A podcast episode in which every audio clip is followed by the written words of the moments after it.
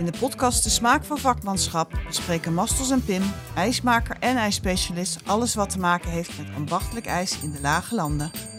Van de laatste ontwikkelingen, nieuwe smaken, recepten, tips en tricks, opleidingen en hoe je nog beter en lekkerder ijs kan maken.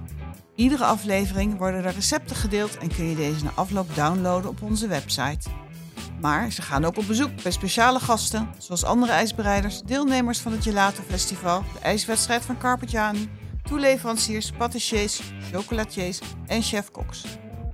Maar jullie kunnen Massels en Pim ook zomaar aantreffen tussen de Jersey-koeien of onder een perenboom, op zoek naar de lekkerste en beste ingrediënten. Laat je verleiden door de smaak van ambachtelijk ijs en het vakmanschap van de ijsbereider.